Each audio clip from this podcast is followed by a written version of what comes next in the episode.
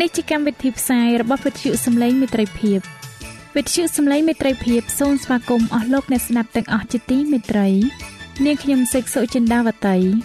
ហើយខ្ញុំបាទអង្ចាន់វិជ្ជៈក៏សូមស្វាគមន៍លោកអ្នកស្ដាប់ទាំងអស់ផងដែរនៅពេលនេះយើងខ្ញុំមានសេចក្តីសុំមនស្សរីករាយដោយបានវិលមកជួបអស់លោកអ្នកនាងកញ្ញាអ្នកស្ដាប់សាជាថ្មីម្ដងទៀត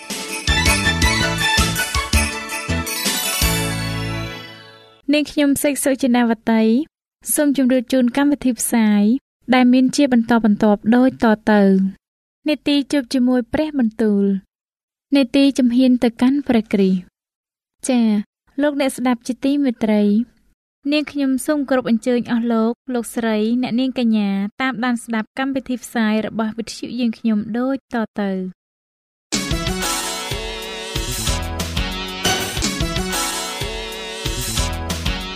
នេតិ ជួបជាមួយព្រះបន្ទូល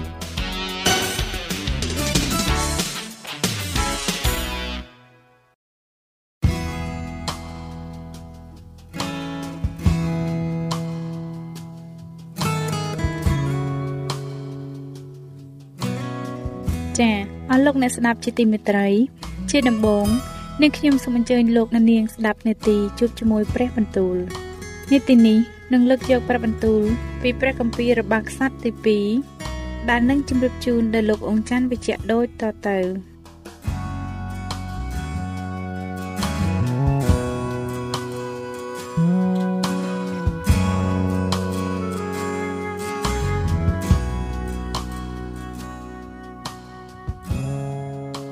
ព្រះគម្ពីររបស់ខ្សត្រទី2ចំពុកទី24កាយូអាស ទ្រង់ចាប់តាំងសោយរាជឡើងនោះមានប្រជជន7ឆ្នាំហើយក៏សោយរាជនៅក្រុងយេរូសាឡឹមបាន40ឆ្នាំព្រះមេដាទ្រង់ព្រះនាមជាស៊ីតយ៉ាជាអ្នកក្រុងបៀសេបាយូអាសទ្រង់ប្រព្រឹត្តសេចក្តីដ៏ត្រឹមត្រូវនៅចំពោះព្រះនេតព្រះយេហូវ៉ាគ្រប់មួយជីវិតយេហូយ៉ាដាដ៏ជាសង្ឃយេហូយ៉ាដាក៏រកបាននាងពីរនាក់ថ្វាយទ្រង់ជាភរិយាហើយទ្រង់បង្កើតបានបុត្រាបុត្រី ក្រោយនោះមកយូអាសទ្រង់មានព្រះតីនឹកចង់ជួសជុលព្រះវិហារនៃព្រះយេហូវ៉ាឡើងដូចដើមទ្រង់ក៏ប្រមូលពួកសង្ឃនិងពួកលេវីមកបង្គាប់ថាចូលចេញទៅអស់ទាំងទីក្រុងស្រុកយូដារែកប្រាក់ពីពួកអ៊ីស្រាអែលទាំងអស់រាល់តែឆ្នាំដើម្បីនឹងជួសជុលព្រះវិហាររបស់ព្រះនៃអ្នករាល់គ្នាហើយប្រឹងប្រែងឡើងផងប៉ុន្តែពួកលេវីមិនបានប្រឹងប្រែងឡើយដូច្នេះស្ដេចទ្រង់ហៅយេហូយ៉ាដាដ៏ជាសម្ដេចសង្ឃមកសួរថាហេតុអ្វី បានជាលោកមិនបង្ខំឲ្យពួកលេវី ទៅហូតពន្ធពីពួកយូដា និងពួកក្រុងយេរូសាឡឹមដូចជាលោកម៉ូសេជាអ្នកបម្រើរបស់ព្រះយេហូវ៉ានិងពួកជំនុំនៃសាសអ៊ីស្រាអែលបានបង្គាប់ទុកសម្រាប់ប្រសាលនៃសេចក្តីបន្ទោសដូច្នេះត្បិតពួកបុត្ររបស់នាងអាថាលាជាស្រីដ៏អាក្រក់នោះ បានបំបាក់បំបាយព្រះវិហារនៃព្រះហើយព្រមទាំងយកគ្រឿងប្រដាប់បរិសុទ្ធទាំងប៉ុន្មានដែលនៅក្នុងព្រះវិហារនៃព្រះយេហូវ៉ាទៅថ្វាយដល់ព្រះបាលវិញ ដូច្នេះស្ដេចទ្រង់ចេញបង្គាប់ហើយគេក៏ធ្វើហឹបមួយដាក់នៅមាត់ទ្វារព្រះវិហារនៃព្រះយេហូវ៉ារួចប្រកាសប្រាប់នៅគ្រប់ក្នុងស្រុកយូដានិងនៅក្រុងយេរូសាឡឹមឲ្យគេយកពន្ធមកថ្វាយព្រះយេហូវ៉ាដោយជាលោកម៉ូសេជាអ្នកបម្រើរបស់ព្រះ បានបង្គាប់ដល់ពួកអ៊ីស្រាអែលនៅទីរហោស្ថានដែរនោះពួកអ្នកដែលជាប្រធាននិងបណ្ដាជនទាំងឡាយក៏រីករាយសប្បាយហើយយកប្រាក់មកដាក់ក្នុងហឹបដរាបដល់បានគ្រប់វេលាណាដែលពួកលេវីឃើញមានប្រាក់ច្រើនហើយ នោះក៏នាំយកហឹបចូលទៅឯពួកភ្នាក់ងាររបស់ស្ដេចហើយស្មានលួងនឹងអ្នកតំណាងសម្ដេចសង្ឃក៏ចូលមកចាក់ចែងយកប្រាក់ទៅទុករួចគេយកហឹបទៅដាក់នៅកន្លែងដើមវិញគេធ្វើដូច្នោះរាល់តែថ្ងៃហើយបានប្រាក់ជាបរិបូរស្ដេចនិងយេហូយ៉ាដាក៏ប្រគល់ប្រាក់នោះឲ្យដល់ពួកអ្នកដែលត្រួតមើលការងារក្នុងព្រះវិហារនៃព្រះយេហូវ៉ា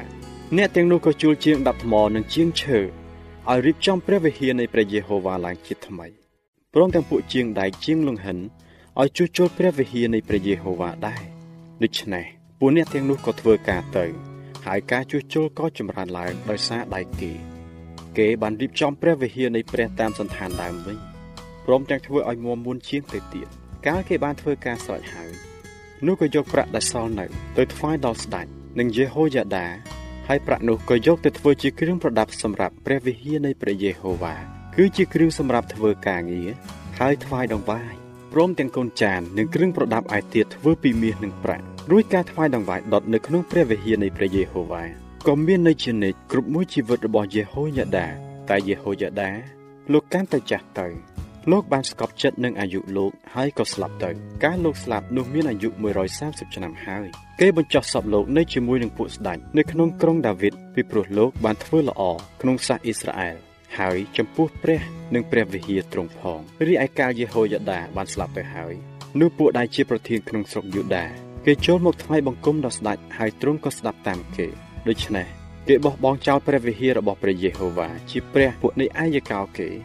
ទៅគោរពប្រតិបត្តិតាមរូបព្រះនិងអ្នកតាវិញហើយមានសេចក្តីក្រោធមកលើពួកយូដានិងពួកក្រុងយេរូសាឡឹមដោយព្រោះការកំហុសដែលគេប្រព្រឹត្តនោះប៉ុន្តែទ្រង់ក៏ចាត់ពួកហោរាទៅឯគេដែរ ដើម្បីនឹងទាញនាំគេមកឯព្រះវិហារវិញឲ្យពួកហោរានោះលោកក៏ចាប់ទោសគេ តែគេមិនព្រមទទួលស្ដាប់ឡើយគ្រានោះព្រះវិញ្ញាណនៃព្រះទ្រង់មកសន្ធិដ្ឋលើសាការី ជាកូនយេហូយ៉ាដាដ៏ជាសង្ឃលោកឈរនៅមុខបណ្ដាជនពោលថាព្រះទ្រង់មានបន្ទូលដូច្នេះហេតុអ្វីបានជាអ្នករកគ្នារំលងអស់ទាំងគិតក្រំនៃព្រះយេហូវ៉ាដូច្នេះធ្វើយ៉ាងនេះមិនចម្រើនទេ គឺដោយព្រោះអ្នករកគ្នា បានបោះបង់ចោលព្រះយេហូវ៉ាចេញ បានជាទ្រង់ក៏បោះបង់ចោលអ្នករកគ្នាដែរតែគេរួមគំនិតគ្នាគិតប្រទុះនឹងលោកវិញក៏ចោលលោកនឹងថ្ម នៅក្នុងទីលានព្រះវិហារនៃព្រះយេហូវ៉ាតាមបង្គាប់ស្ដេចគឺយ៉ាងនោះដែលយូអាសបានរំលកូនដល់យេហូយ៉ាដាជាឪពុកសាការីដែលលោកបានផ្ដល់ចំពោះទ្រង់គឺទ្រង់បានសម្លាប់កូនលោកវិញកាលសាការីហៀបនឹងស្លាប់ទៅនោះក៏ពោលថាសូមឲ្យព្រះយេហូវ៉ាទ្រង់ទូតមើលហើយសម្រេចតាមយុត្តិធម៌ចោះ ដល់ចុងឆ្នាំនោះឯងនោះកងទ័ពសាសសេរី គេឡើងមកច្បាំងនឹងទ្រង់គេលុកចូលមកក្នុងស្រុកយូដា និងក្រុងយេរូសាឡឹមក៏បំផ្លាញពួកដែលជាប្រធានក្នុងបណ្ដាជនទាំងអស់ទៅហើយអស់ទាំងរបបដែលគេចាប់បាននោះគេផ្ញើទៅថ្វាយដល់ស្ដេចក្រុងដាម៉ាស់ពួកពលទ័ពសេរីបានមកមានគ្នាតែបន្តិចទេ តែព្រះយេហូវ៉ាទ្រង់ប្រគល់ពលទ័ពយ៉ាងសន្ធឹកទៅក្នុងកំដាប់ដៃគេដោយព្រោះពួកខាងយូអាសបានបោះបង់ចោលព្រះយេហូវ៉ា ជាព្រះនៃពួកអាយកោខ្លួនហើយ គឺយ៉ាងនោះដែលបានសម្រេចទោសដល់យូអាសកាលពួកសេរីបានថយចេញពីទ្រង់ទៅទុកទ្រង់ឲ្យនៅទាំងឈឺខ្លាំងនោះពួកមហាថ្លឹកទ្រង់មានគំនិតគិតក្បត់ចំពោះទ្រង់ដោយព្រោះឈាមនៃកូនយេហូយ៉ាដាដ៏ជាសង្ឃក៏ធ្វើគុតទ្រង់ដែលកំពុងផ្ទុំលើបន្ទុំទីគេបញ្ចុះសពទ្រង់នៅក្រុងដាវីតតែមិនមែននៅក្នុងភ្នូររបស់ពួកស្ដេចទេឯពួកអ្នកដែលគិតក្បត់ចំពោះទ្រង់នោះ គឺសាបាតជាកូននាងស៊ីម៉ាត សាអាម៉ូនមួយ និងយូសាបាតជាកូននាងស៊ីមរីតសាសម៉ូអាប់មួយរីឯដំណើរពីពួកព្រះរាជបុត្រាទ្រង់នឹងបន្ទុកយ៉ាងធ្ងន់ដែលបានពោលពីទ្រង់ព្រមទាំងការតាំងព្រះវិហារនៃព្រះឡើងជាថ្មីផង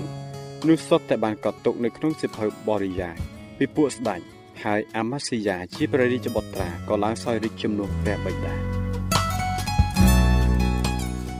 ព្រះគម្ពីររបាយខ្សត្រទី2ជំពូកទី25 អាយអាម៉ាស៊ីយ៉ាកាលចាប់តាំងសោយរាជឡើងនោះទ្រង់មានប្រជជន25ឆ្នាំហើយក៏សោយរាជនៅក្នុងក្រុងយេរូសាឡឹមបាន29ឆ្នាំព្រះមេដាទ្រង់ព្រះនាមជាយូអាដាន ជាអ្នកក្រុងយេរូសាឡឹមទ្រង់ប្រព្រឹត្តសេចក្តីដែលត្រឹមត្រូវនៅព្រះនេតព្រះយេហូវ៉ាតែមិនមែនដោយប្រតិស្មោះចំពោះទេ កាលរាជបានតាំងនៅជាប់ក្នុងអំណាចទ្រង់ហើយនោះទ្រង់ក៏សម្លាប់ពួកបម្រើដែលបានធ្វើគុតស្ដេចជាព្រះបិតាទ្រង់ទៅ តែមិនបានសម្លាប់កូនចៅគេទេ គឺបានធ្វើតាមសេចក្តីដែលចែងទុកមកក្នុងគម្ពីរក្រឹតវិន័យរបស់លោកម៉ូសេវិញ ជាសេចក្តីដែលព្រះយេហូវ៉ាបានបញ្ញត្តិថាឪពុកមិនត្រូវស្លាប់ដោយព្រោះកូនឬកូនដោយព្រោះឪពុកឡើយគឺគ្រប់គ្នាត្រូវស្លាប់ដោយព្រោះអំពើបាបរបស់ខ្លួនរៀងខ្លួនវិញមួយទៀតអាម៉ាស៊ីយ៉ាទ្រង់ប្រមូលពួកយូដាឲ្យមូលគ្នា រួមផ្គុំគេតាមវង្សានុវង្សរបស់ឪពុកគេ នៅក្រោមអំណាចនៃមេលើ1000នាក់ និងមេលើ100នាក់គឺទាំងពួកយូដានិងពួកបេនយ៉ាមីនទាំងអស់ផងក៏រាប់គេចាប់តាំងពីអាយុ20ឆ្នាំឡើងទៅលើឃើញមានមនុស្សជ្រើសរើស3សែននាក់ដែលសុទ្ធតែអាចនឹងទៅច្បាំងបានហើយចេះកាន់លំពេងនៅខែលផងទ្រង់ក៏ជួលមនុស្សខ្លាំងពូកែមានចិត្តក្លាហាន ពីស្រុកអ៊ីស្រាអែលបានចំនួន1សែននាក់អស់តម្លៃជាប្រាក់100ហាមតែមានអ្នកសំណប់របស់ព្រះម្នាក់បកលទ្រង់ទូលថា បបិទ្ធព្រះករុណាអើយគុំបើកឲ្យពលទ័ពរបស់ពួកអ៊ីស្រាអែលទៅជាមួយនឹងទ្រង់ឡើយបើព្រះយេហូវ៉ាទ្រង់មិនគង់នៅជាមួយនឹងពួកអ៊ីស្រាអែលគឺនឹងពួកកូនចៅអេប្រាអឹមទាំងអំបាលម៉ានទេ តែបើទ្រង់នាំគេទៅនោះស្រេចនឹងប្រហារតីចោះត្រូវខំប្រឹងឲ្យមានកម្លាំងឡើងសម្រាប់នឹងច្បាំងទៅព្រះនឹងធ្វើឲ្យទ្រង់ដួលនៅមុខពួកខ្មាំងសត្រូវត្បិតព្រះទ្រង់អាចនឹងជួយ ឬធ្វើឲ្យដួលក៏បាន រួចអាម៉ាស៊ីយ៉ាទ្រង់សួរតបទៅអ្នកសំណប់របស់ព្រះថាចោះចំណែកប្រាក់100ហាបដែលយើងបានប្រគល់ទៅឲ្យពួកទ័ពអ៊ីស្រាអែលនោះដូចម្ដេចទៅ អ្នកសំណប់របស់ព្រះទូលឆ្លើយថាព្រះយេហូវ៉ាទ្រង់អាចនឹងប្រទានឲ្យទ្រង់បានជាច្រើនលើសជាងនេះទៅទៀតដូច្នេះអាម៉ាស៊ីយ៉ាក៏ញែកគេចេញពីគ្នា គឺញែកពួកទ័ពដែលមកពីស្រុកអេប្រាអឹមឲ្យគេត្រឡប់ទៅឯផ្ទះវិញ គេក៏កើតមានសេចក្តីកំហឹងឈួលក្តៅឡើងនឹងពួកយូដាហើយគេត្រឡប់ទៅវិញដោយសេចក្តីខូខើជាខ្លាំងឯអាម៉ាស៊ីយ៉ាទ្រង់មានប្រតិខ្លាឡើងក៏លើកទ័ពចេញទៅឯច្រកភ្នំអំបិលប្រហារសម្រាប់ពួកកូនចៅសៀអស់10000នាក់ហើយ10000ទៀតគឺពួកកូនចៅយូដាក៏ចាប់ទាំងរស់ហើយដឹកនាំទៅឯកំពូលថ្មភ្នំបោះទម្លាក់ទៅក្រោមឲ្យបាក់បែកខ្ទេចខ្ទីអស់ទៅតែឯពួកទ័ព ដាត់អាម៉ាស៊ីយ៉ាបានឲ្យទៅវិញមិនឲ្យទៅច្បាំងជាមួយនោះ គេក៏ចូលទៅវាយទីក្រុងស្រុកយូដាទាំងប៉ុន្មាន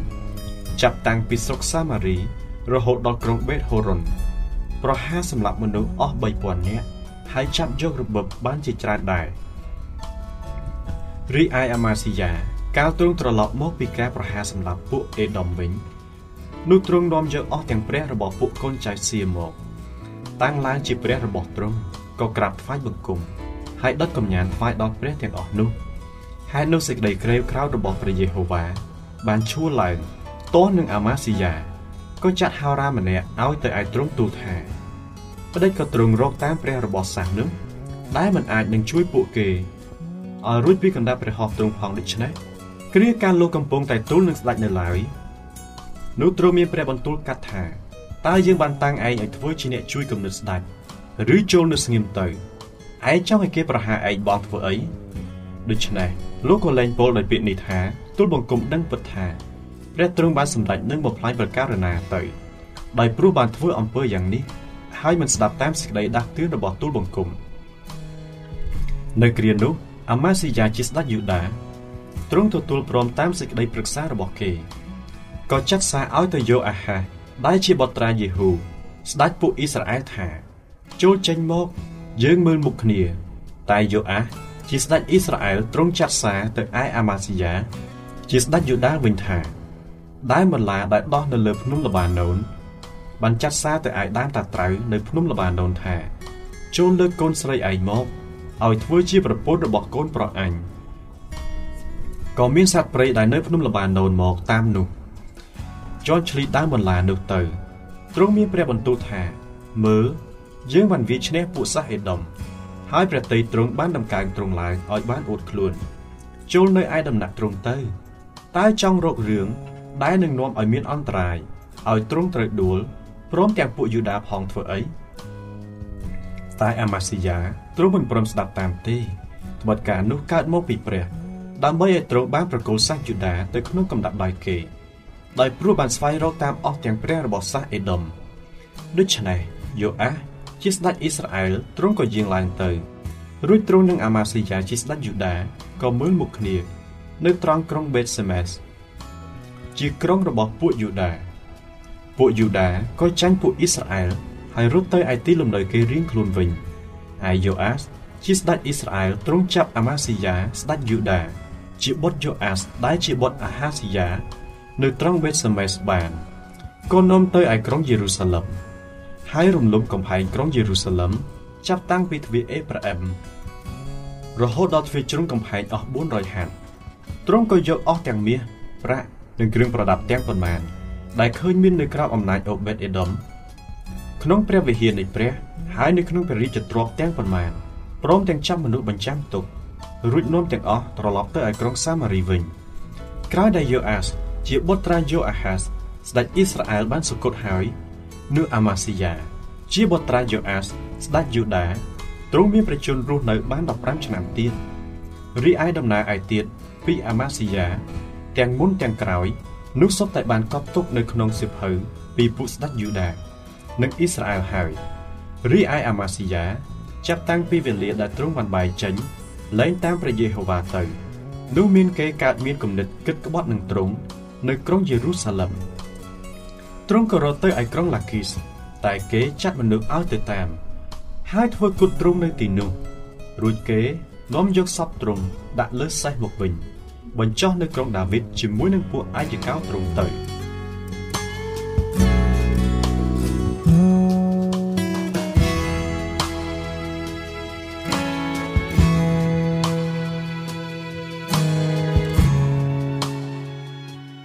ចា៎ ប្រិយមិត្តអ្នកស្ដាប់ជាទីមេត្រី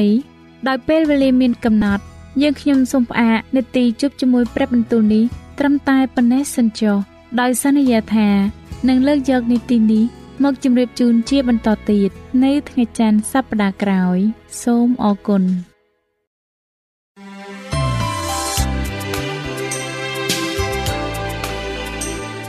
វិទ្យុសំឡេងមេត្រីភាព AWR នាំមកជូនលោកអ្នកនៅសារនៃសេចក្តីសង្ឃឹមសម្រាប់ជីវិត។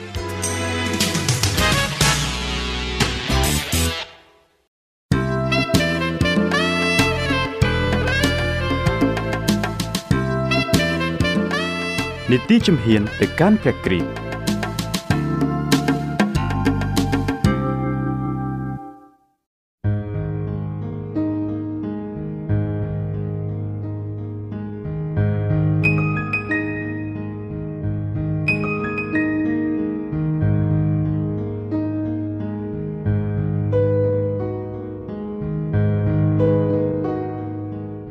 សេកសុចិនាវតីសូមជម្រាបសួរអស់លោកលោកស្រីនាងកញ្ញា និងប្រិយមិត្តជាទីស្នេហាតើលោកអ្នកមានសុខទុក្ខយ៉ាងណាដែរសម្រាប់នាងខ្ញុំវិញ នៅពេលនេះនាងខ្ញុំមានសេចក្តីអំណររីករាយនៅក្នុងព្រះជាម្ចាស់ដែលនាងខ្ញុំមានកិត្តិយសបានវិលមកជួបលោកអ្នកសាជាថ្មីម្ដងទៀតនៅក្នុងកម្មវិធីជំហានទៅកាន់ព្រះគ្រីស្ទហើយនៅពេលនេះផងដែរនាងខ្ញុំសូមលើកយកវគ្គបន្តនៃប្រធានបទមុនដែលមានចំណងជើងថា សេចក្តីអមររីករាយនៅក្នុងព្រះអង្គម្ចាស់មកជម្រាបជូនដល់អស់លោកអ្នកសន្តាប់ដូចតទៅអស់លោកអ្នកជាទីមិត្តរីលោកអ្នកប្រហែលជាអល់ឯកនៅក្នុងមុខចំនួនពាណិជ្ជកម្មរីឯសេចក្តីសង្ឃឹមរបស់លោកអ្នកប្រហែលជាកាន់តែងងឹតទៅងងឹតទៅ ហើយលោកអ្នកប្រហែលជាទទួល ការគំរាមកំហែងពីសំណាក់ការបាត់បង់ថែមទៀតផងទោះជាយ៉ាងនោះក្តីសូមលោកអ្នកកុំអស់កម្លាំងទឹកចិត្តឲ្យសោះ សូមលោកអ្នកដាក់ក្តីកង្វល់របស់លោកអ្នកទាំងប៉ុន្មានថ្វាយទៅឲ្យព្រះជាម្ចាស់ហើយសូមលោកអ្នកនៅតែរឹងប៉ឹងនិងអសប្បាយចុះសូមអធិដ្ឋានសូមប្រាជ្ញាពីព្រះ ដើម្បីរៀបចំកិច្ចការរបស់អ្នកដោយប្រុងប្រយ័ត្នបើធ្វើយ៉ាងដូច្នោះនោះលោកអ្នកអាចការពារពីការបាត់បង់និងសេចក្តីមហន្តរាយទៅបានចូលធ្វើគ្រប់ទាំងអ្វីអ្វីដែលលោកអ្នកនឹងអាចធ្វើទៅបាន ដើម្បីនាំមកនូវលទ្ធផលល្អ ដ៏គួរឲ្យពេញចិត្តព្រះយេស៊ូវគ្រីស្ទបានសន្យាថាទ្រង់នឹងជួយដល់យើងក៏ប៉ុន្តែសេចក្តីជំនួយនោះ មិនមែនញែកចេញពីការព្យាយាម របស់យើងនោះឡើយទ្រង់សន្យាថានឹងជួយយើង តែយើងត្រូវតែជួយខ្លួនឯងសិនទើបទ្រង់នឹងជួយយើងថែមទៀតនៅពេលដែលលោកអ្នកពឹងផ្អែកទៅលើព្រះ នោះចូលធ្វើគ្រប់ទាំងអ្វីៗទាំងអស់ដែលលោកអ្នកអាចធ្វើទៅបាន រួចសូមទទួលយកលទ្ធផល ដោយអំណរសប្បាយចុះព្រះរាជបំណងរបស់ព្រះជាម្ចាស់គឺពុំមែនឲ្យរាជរបស់ទ្រង់ត្រូវទទួលបន្ទុកនៃក្តីកង្វល់ឡើយព្រះជាម្ចាស់មានប្រតិយសុចរិតហើយតែងបំពេញសេចក្តីសន្យារបស់ទ្រង់ទ្រង់ឆ្វែងយល់ថា មនុស្សគ្រប់គ្នានឹងជួបបញ្ហាសេចក្តីវេទនាព្រមទាំងគ្រោះថ្នាក់ផ្សេងផ្សេងតែទ្រង់អាចជួយដោះស្រាយបានទ្រង់មិនបានស្នើសុំថា ឲ្យយករាជរបស់ទ្រង់ចេញពីពិភពនៃអំពើបាប និងទុច្ចរិតនោះទេក៏ប៉ុន្តែទ្រង់ចង្អុលបង្ហាញគេនៅលំនៅឋាន ដែលស្ថិតនៅដ៏អកលជានិច្ចវិញទ្រង់បានអធិដ្ឋានចំពោះសាវករបស់ទ្រង់នៅក្នុងព្រះគម្ពីរយូហានចំពុក17ខ15យ៉ាងដូចនេះថា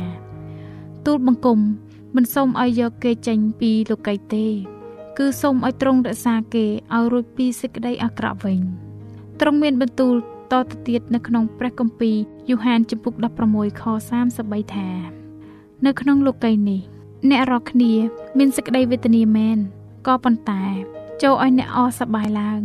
ព្រោះខ្ញុំបានឈ្នះលោកីយហើយអស់លោកអ្នកដែលកំពុងស្ដាប់វិទ្យុសំឡេងមិត្តភាពជាទីមេត្រី ក្នុងការអធិប្បាយរបស់ទ្រង់នៅលើភ្នំព្រះគ្រីស្ទជាម្ចាស់បានបង្ហាត់បង្រៀនសាវករបស់ទ្រង់នៅមេរៀនយ៉ាងថ្លៃថ្លា ទៅលើការចាំបាច់ក្នុងការទុកចិត្តលើព្រះជាម្ចាស់មេរៀនទាំងនោះបានរៀបចំឡើងដើម្បីលើកទឹកចិត្តដល់កូនចៅរបស់ព្រះជាម្ចាស់នៅគ្រប់យុគសម័យហើយមេរៀនទាំងនោះក៏បានធ្លាក់មកដល់សម័យបច្ចុប្បន្នយើងនេះផងដែរហើយមេរៀនទាំងនោះ មានពោពេញទៅដោយការបង្ហាត់បង្រៀននិងការកំសាន្តចិត្តព្រះអង្គសង្គ្រោះបានចង្អុលបង្ហាញដល់ពួកសាវករបស់ទ្រង់អំពីបាសាបាសី នៅពេលដែលវាបន្លឺសំឡេង ដែលសម្ដែងនៅការសរសើរដំកើងនិងមិនអើពើនឹងគំនិតនៃការកង្វល់ពីព្រោះវាមិនបានសាបព្រោះហើយវាក៏មិនបានច្រូតកាត់ដែរទោះជាយ៉ាងណាក៏ដោយក៏ព្រះវរបិតាដ៏មានមហិទ្ធិឫទ្ធិនៅតែបំពេញសេចក្តីត្រូវការរបស់វាដែរព្រះអង្គសង្គ្រោះមានព្រះបន្ទូលនៅក្នុងព្រះគម្ពីរម៉ាថាយជំពូក6ខ26ថាតើអ្នកទាំងអស់គ្នាពុំមានតម្លៃ ដ៏លើសលប់ជាងពពួកបាសាបាសីទាំងនោះទេឬអីអស់លោកអ្នកជាទីមេត្រីព្រះដែលជួយផ្គត់ផ្គង់ចំពោះមនុស្សនិងសត្វសត្វទ្រង់លាតព្រះហស្ថរបស់ទ្រង់និងផ្គត់ផ្គង់ដល់សពសត្វតនិកទាំងឡាយនេះមានន័យថាបាសាបាសីនៅលើអាកាសវិហារក៏ពុំមែននៅឆ្ងាយផុតពីក្រសែព្រះនេត្ររបស់ទ្រង់ដែរការពិតទៅទោះជាទ្រង់មិនបានទម្លាក់ចំណីអាហារទៅក្នុងចម្ពោះរបស់វាក៏ដោយ តែទ្រង់បានផ្ដល់រាល់សេចក្តីត្រូវការនៃសត្វទាំងនោះឥតមានខ្វះណាមួយឡើយសត្វទាំងនោះបានទទួលចំណីអាហារព្រមទាំងប្រមូលអស់ទាំងក្របធញ្ញជាតិដែលទ្រង់បានផ្ដល់យ៉ាងបរិបូរណ៍ពាសពេញផែនដីទាំងមូលពួកបាសាបាសីទាំងឡាយត្រូវរៀបចំធ្វើសម្បុករបស់ខ្លួន ហើយក៏ត្រូវបញ្ចុកចំណីដល់កូនតូចតូចរបស់វាដែរវាហើយចេញទៅ ដោយសំឡេងអំណរខ្ញៀវខ្ញា អំពីការងាររបស់វា ពីព្រោះព្រះវរបិតានៃស្ថានសួគ៌របស់អ្នករាល់គ្នា បានប្រទានចំណីអាហារដល់បាសាបាសីទាំងនោះ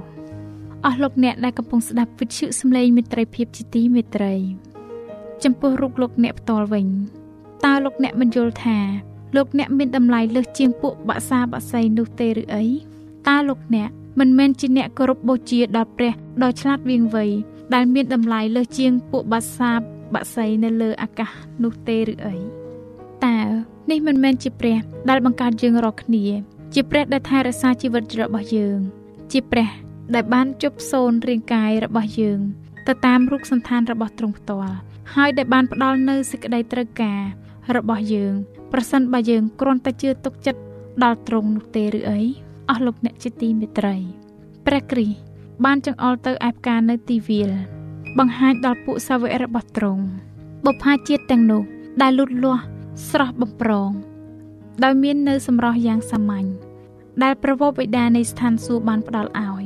គឺជាការសម្ដែងចេញនៅសេចក្តីស្រឡាញ់របស់ទ្រង់ចំពោះមនុស្សនៅនីលោកីនេះទ្រង់មានបន្ទូលថាចូលគិតពិចារណា មើលពីផ្កាកំភ្លឹងនៅទីវាលតើវាដុះលូតលាស់យ៉ាងដូចម្ដេចអស់លោកអ្នកជាទីមេត្រី សម្រាប់នឹងភាពសាមញ្ញនៃបុព្វាជាតិក្នុងធម្មជាតិទាំងអស់នោះ គឺលើសអស់ទាំងសម្លៀកបំពាក់ដ៏ឆើតឆាយនៅលួងសាឡូមោនទៅទៀតផងសម្លៀកបំពាក់ឆើតឆាយដែលរៀបចំឡើងដោយស្នាដៃមនុស្សมันអាចប្រៀបធៀបបានជាមួយនឹងសម្រស់ដ៏សមសួននៃធម្មជាតិដ៏ស្រស់ត្រកាលនៃបុព្វាជាតិទាំងនោះដែលជាស្នាព្រះហស្ថរបស់ព្រះជាម្ចាស់បានឡើយព្រះយេស៊ូវមានព្រះបន្ទូលនៅក្នុងព្រះគម្ពីរម៉ាថាយ ជំពូក6ខ30យ៉ាងដូចនេះថាប្រសិនបើព្រះទ្រង់បានតុបតែងទិន្នជាតិនៅលើទីវាល ដែលយើងចាត់ទុកជារបស់មិនសំខាន់ ដែលត្រូវបង្កើដុតចោលនោះតើទ្រង់មិនតុបតែងឲ្យអ្នករកគ្នាលើសជាងនេះទៅទៀតទេឬអោមនុស្សមានជំនឿតិចអើយប្រសិនបើព្រះជាម្ចាស់ជាវិចិត្រករតាក់តែងឲ្យផ្កាសាមញ្ញដែលនឹងវិនិច្ឆ័យបាត់បង់ក្នុងថ្ងៃណាមួយ នៅពណ៌គ្រប់ប្រភេទនិងដ៏ប្រណិតតើទ្រង់យកប្រតិទុកដាក់ប៉ុណ្ណាទៅណចំពោះមនុស្សជាតិដែលទ្រង់បង្កើតមកឲ្យដូចជារូបអង្គទ្រង់នោះមេរៀនរបស់ព្រះគ្រីស្ទនេះគឺជាការស្ដីបន្ទោសដល់គំនិតអន្ទះអន្តែងការអល់ឯកនិងការមន្ទិលសង្ស័យនៃមនុស្សដែលគ្មានចិត្តជឿ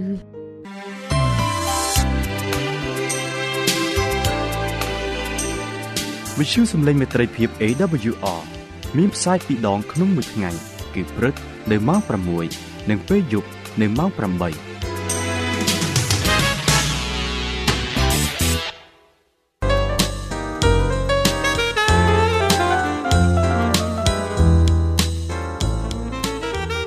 សេចក្តីសប្បុរសជាភាសាមួយដែលមនុស្សខ្វះអាចមើលឃើញមនុស្សថ្លង់អាចស្ដាប់ឮ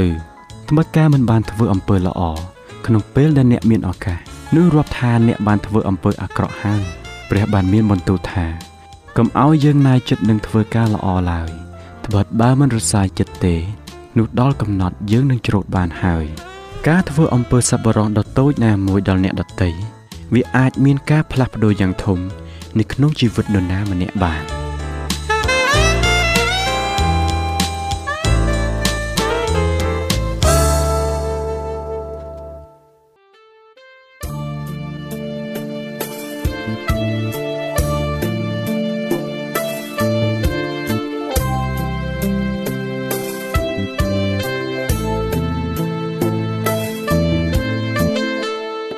សិនជាលោកអ្នកមានសំណួរឬសំណុំពរអ្វីសូមតាក់ទងមកការិយាល័យវិទ្យុយើងខ្ញុំ តាមអាស័យដ្ឋានផ្ទះលេខ15ផ្លូវលេខ568សង្កាត់បឹងកក់2ខណ្ឌទួលគោករាជធានីភ្នំពេញលោកអ្នកក៏អាចសរសេរសម្បត្តិផ្ញើមកយើងខ្ញុំ តាមរយៈប្រអប់សម្បត្តិលេខ488ភ្នំពេញឬតាមទូរស័ព្ទលេខ012 34 96 64ឬ097 80 81 060ឬក៏តាមរយៈអ៊ីមែល vol@awr.org យើងខ្ញុំរងចាំទទួលស្វាគមន៍អស់លោកអ្នកនាងដោយក្តីសោមនស្សរីករាយហើយលោកអ្នកក៏អាចស្ដាប់កម្មវិធីនេះឡើងវិញដោយចូលទៅកាន់ website របស់វិទ្យុយើងខ្ញុំ តាមរយៈអាស័យដ្ឋាន www.awr.org